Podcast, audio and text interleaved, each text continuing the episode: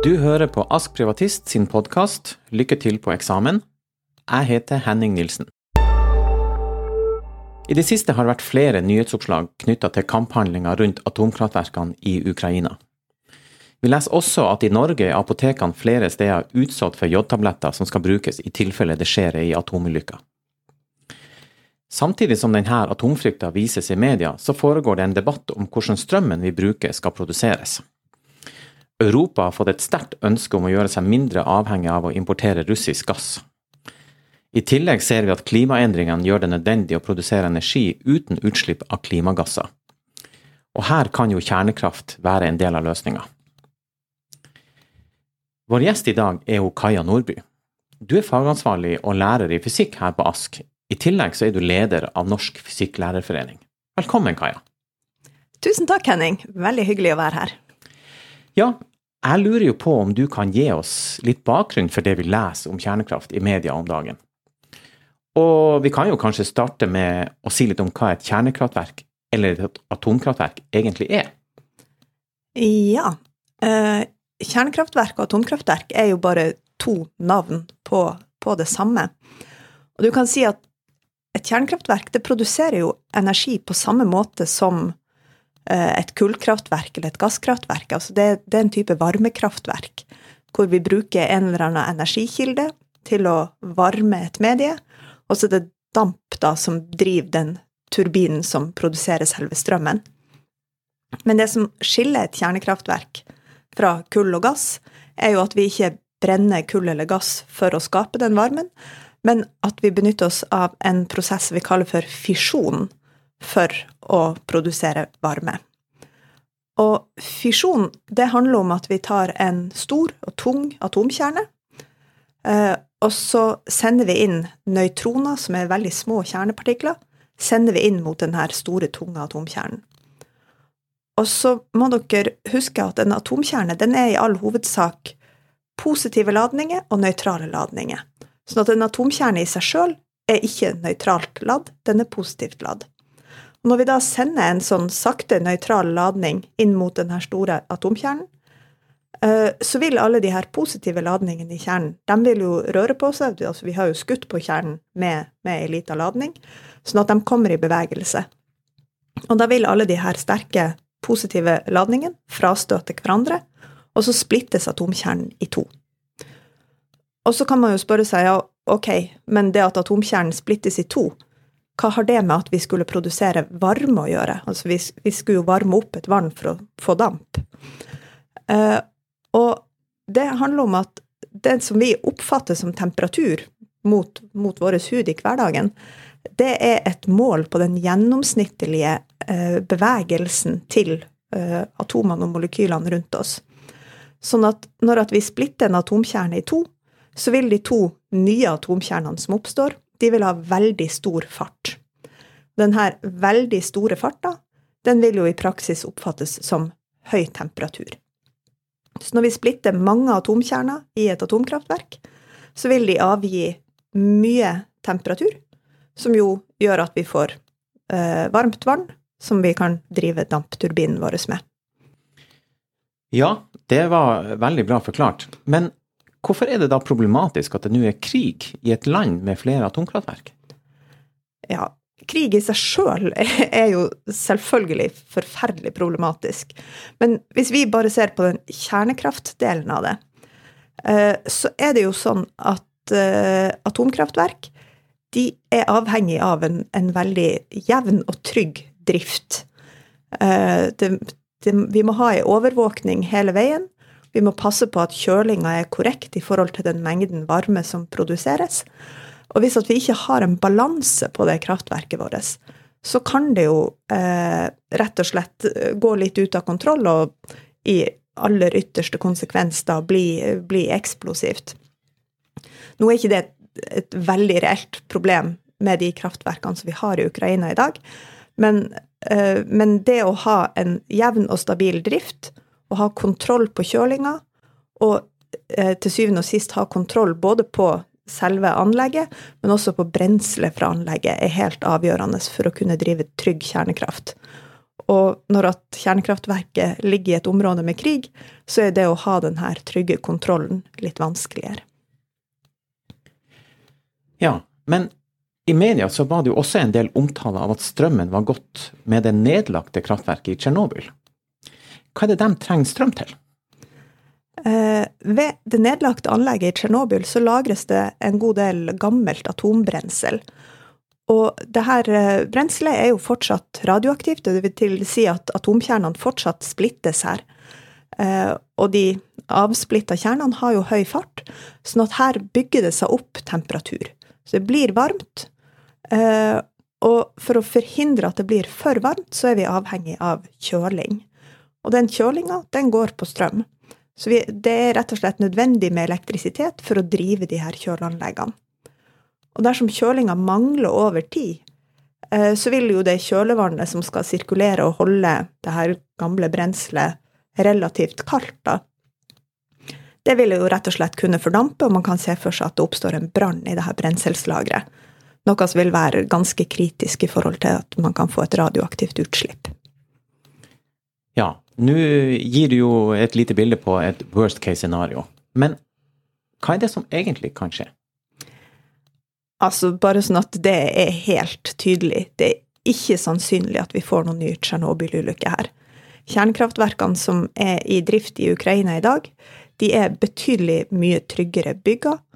Eh, men den situasjonen som er akkurat nå, er jo allikevel uoversiktlig. Og det har jo bl.a. vært brann med det største atomkraftverket deres, i tillegg til denne strømstansen eh, i Tsjernobyl. Eh, sånn at en ulykke med radioaktive utslipp er helt klart på lista over et sånt worst case-scenario-situasjon, ja. Mm. Men hva er da egentlig et radioaktivt utslipp? Kan du si litt om det? Eh, radioaktive utslipp det er utslipp av materiale som inneholder radioaktive atomer. Altså materialer som kan sende ut radioaktiv stråling. Ja, da må du faktisk fortelle meg litt om hva radioaktiv stråling er for noe. Eh, ja. Eh, vi deler radioaktiv stråling i tre typer. Eh, så vi snakker om alfastråling, Eh, og alfastråling det finner man f.eks. i radon i, i, norske hus, så det er ikke helt uvanlig stråling. Eh, alfastråling er heliumkjerner. De har mye energi, men fordi de er en hel atomkjerne, så har de ganske kort rekkevidde. Så de vil stoppe i eh, klær og overflate og papir, for den del. Den neste strålingstypen er den som vi kaller for betastråling. Eh, betastråling det er rett og slett elektronstråling. Den også har mye energi, for den har jo både masse og fart.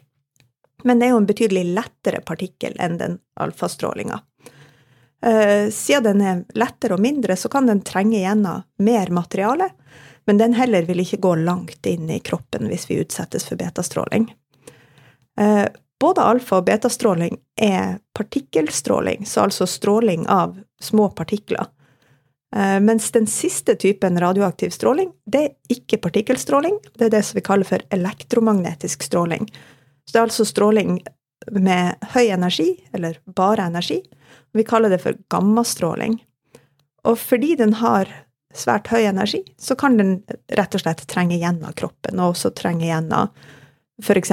tynne blyplater eller vegger og tak. Alle disse typene radioaktiv stråling er det som vi kaller for ioniserende. Det betyr altså at de har energi nok til å omdanne nøytrale molekyler til ioner. Eh, og alle disse tre typene vil jo lede til at atomkjernen sender ut energi. Så hvis vi har radioaktiv stråling fra en atomkjerne, så vil den miste energi. Og også når vi har alfa- og betastråling, så vil denne radioaktive kjernen vår den vil omdannes til en ny type kjerne. Så hvis vi i utgangspunktet hadde uran som sender ut alfastråling, så vil vi få et nytt grunnstoff som heter thorium. Thorium er også radioaktivt og vil kunne sende ut betastråling. Og sånn kan vi på en måte gå fra grunnstoff til grunnstoff ved hjelp av radioaktiv stråling. Og hvis du har hørt om halveringstid, så handler jo det om hvor lang tid det tar før halvparten av et radioaktivt stoff er omdanna til et annet stoff. Sånn at når vi snakker om f.eks. hvor lenge eh, brensel fra en atomkraftreaktor er radioaktivt, så handler det jo om hvor lang tid det tar før det her brenselet omdannes til andre stoffer som ikke er radioaktive, da. Ja. Da har du forklart oss litt om de tre ulike typene av radioaktiv stråling. Men hvordan kan denne strålinga påvirke oss? Eh, stråling er jo transport av energi, så det er jo at vi flytter energi fra et sted til et annet. Og når denne energien kommer på feil plass eller i feil mengde, så kan den skade oss. Så eh, for å på en måte se det for deg, da, så kan du tenke at du legger handa di på, på ei varm kokeplate. Da er det jo energien i kokeplata som skader huden på handa di. Men huden vår den er jo bygga opp for å reparere seg sjøl etter en sånn skade. Sånn at faren for at det oppstår farlige mutasjoner etter et sånt brannsår på handa, den er forsvinnende liten. Eh, radioaktiv stråling, det er jo, det er jo energi, det òg. Eh, og den vil jo komme inn i kroppen og lage, du kan si, en slags brannsår på steder i kroppen hvor den ikke er rusta til å, å, reparere seg sjøl, på samme måte som huden på utsida av kroppen er. Eh, så faren for mutasjoner i cellene er større når at vi får stråling inn i kroppen, og altså da skader på vev som ikke er like i stand til å reparere seg sjøl. Og det vil jo føre til en økt kreftfare, f.eks. Og stråleskader på indre organer er jo rett og slett betydelig vanskeligere å hele enn skader på utsida av kroppen. Og her må vi jo også ha i bakhodet at altså et brannsår på handa det er jo et brannsår i overflata, det er veldig eh, lett å lokalisere. Men en sånn type stråleskade i kroppen, den vil jo være i hele det utsatte vevet. Eh, sånn at hvis du har en stråleskade i armen, så er det ikke bare på huden, men det er jo, det er på en måte såret inni hele armen. Så det er mye vanskeligere å, å på en måte lokalisere hvor du skal reparere, da. Eh, og så er det jo det med at radioaktiv stråling det er akutt farlig i store doser. Eh, men det er også farlig i små doser, fordi at selv om kroppen klarer å reparere seg sjøl etter alle de her på en måte småskadene den vil få av en sånn vedvarende lav dose stråling, så øker jo faren for mutasjoner og da kreft i cellene, når at vi hele tida må ha celler som reparerer seg sjøl, og som ikke egentlig er bygd for det. Ja. Nå sier du jo at strålinga kan eh, trenge inn i kroppen og lage brannsår i kroppen. Men hvordan er det de faktisk kan komme inn i kroppen? Uh, ja, jeg sa jo innledningsvis at alfa- og betastråling det er jo partikler, så de stoppes jo av hud og klær. Så den måten som eh, den type stråling kommer inn i kroppen, det er enten at vi puster den inn, så altså at den er med i lufta, sånn som jo radongass, som jeg nevnte innledningsvis, eller at den er i maten vi spiser. Eh, så for eksempel eh, regn som inneholder radioaktivt avfall, og som faller ned over en åker, eller vil kunne lede til at det er radioaktivitet i maten som vi da spiser. Eh, og det så vi faktisk eksempler på etter Tsjernobyl-ulykken, hvor dyr på utmarksbeite, så sau og rein f.eks., fikk i seg radioaktivt materiale. Og før vi da kunne slakte de her dyrene og spise dem, så var vi nødt til å ha dem på en måte i fjøs og fòre dem det vi visste var trygt fôr over en tid, sånn at denne radioaktiviteten skulle gå ut av kjøttet før da denne sauen og reinen kunne brukes til menneskemat. Eh, gammastråling er jo ikke partikler, sånn at den vil gå gjennom eh, hud og klær. Eh, men den går jo ikke over uendelige avstander, så for å bli utsatt for gammastråling, så er vi rett og slett nødt til å være i en viss nærhet av en radioaktiv kilde. Ja. Nå har vi jo sett lite grann på konsekvensene av radioaktiv stråling. Men med all denne risikoen, hvorfor er det da at noen fremdeles vil bygge kjernekraftverk? Eh, kjernekraft er eh, faktisk regna som en veldig trygg og pålitelig kilde til elektrisitet. Eh, og det er veldig få ulykker. Det er bare det at det skadepotensialet som er i de her ulykkene, er så stort at man blir på en måte litt blenda av det. For hvis man ser på statistikk f.eks. over antall døde i forhold til mengden energi som er produsert fra de forskjellige energikildene, så er kjernekraft noe av det aller tryggeste du kan drive med.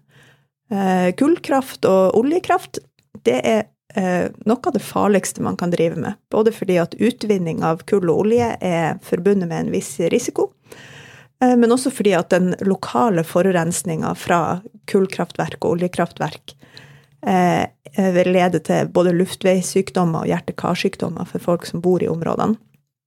I tillegg selvfølgelig da klimagassutslippene fra denne type kraftverk, som jo har globale konsekvenser.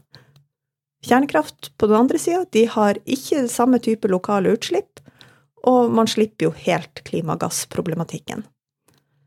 Eh, og hvis man skulle sammenligne kjernekraft med vannkraft og vindkraft og solenergi, Eh, så har jo også kjernekraft den fordelen at den er relativt lett å regulere. Så den kommer når vi trenger den. Det er ikke sånn som vindkraft som er der når det blåser, og ikke ellers. Eller solkraft som, i hvert fall for oss i Nord-Norge, stort sett er der på sommeren, når vi ikke har så mye bruk for strøm.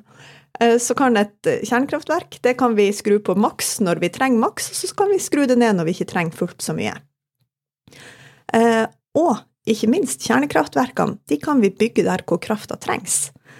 Eh, så mens vi i Norge har veldig mye vannkraftverk på Vestlandet, og veldig mye strømforbruk på Østlandet, som jo har leda til et ganske stort behov for store kraftledninger, eh, så slipper man den problematikken med kjernekraftverket, for vi kan rett og slett bygge det der vi har bruk for strømmen.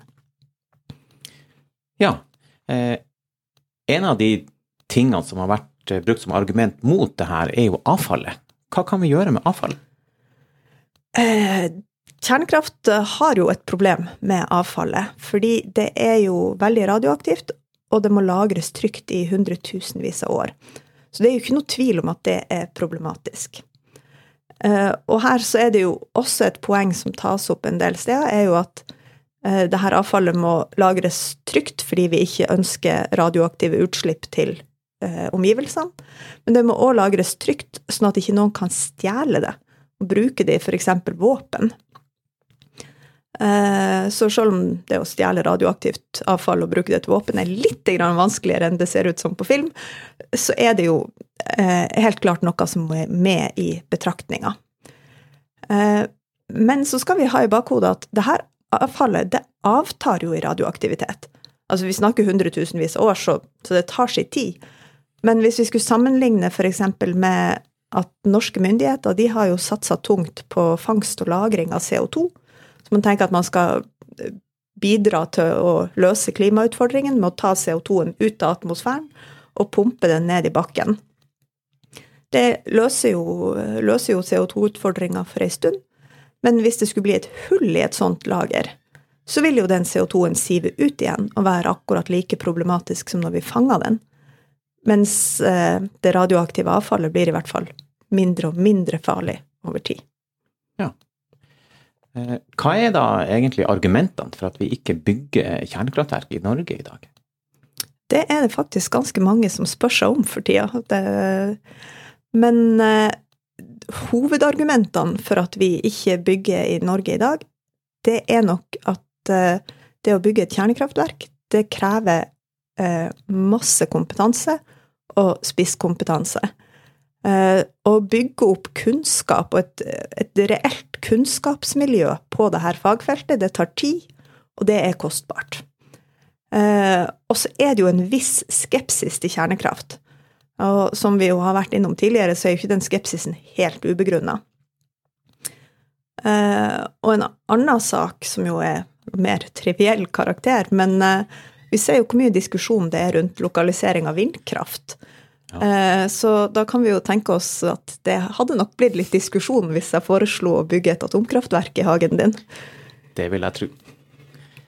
Eh, men eh, vi skal begynne å runde av det her. Men Kaja, du har jo eksaminert et veldig stort antall privatister. Hvordan kan det som vi nå har snakka om i dag, være relevant i en eksamenssituasjon? For det er jo det privatistene våre er også ute etter. Ja. Eh, det er jo mange av de temaene som vi har vært innom her, som er relevant i flere forskjellige fag. Og stråling og radioaktivitet, det er jo et uh, interessant tema i naturfag. Så å kunne snakke om det er helt klart viktig på en naturfagseksamen. Uh, fysikken i et kjernekraftverk, så altså hva er fusjon, og hva er temperatur, og hvordan produserer vi strøm, og de her selve kjernereaksjonene, det er veldig eksamensrelevant både i fysikk 1 og den energiproduksjonen da i fysikk 2. Så i fysikkfagene så vil det å kunne si noe om kjernekraft også være veldig interessant. Og bærekraftig energiproduksjon, det finner vi igjen både i fysikk og naturfag. Og i tillegg så vil jo en sånn her diskusjon rundt uh, på en måte den konflikten som, som, skjer rundt de her kjernekraftverkene i Ukraina, være relevant i flere av samfunnsfagene. Så her håper jeg det skal være litt av hvert å plukke i for også privatister som leter etter eksamenstips. Helt klart, Kaja. Tusen takk for at du kunne være med oss. Det har vært veldig hyggelig å ha deg her. Takk, takk. I denne episoden har du hørt Kaja Nordby og Henning Nilsen snakke om atomkraftverk og hva et radioaktivt utslipp er, og litt om kjernekraft i et energi- og miljømessig perspektiv. Lykke til på eksamen er laga av Ask Privatist.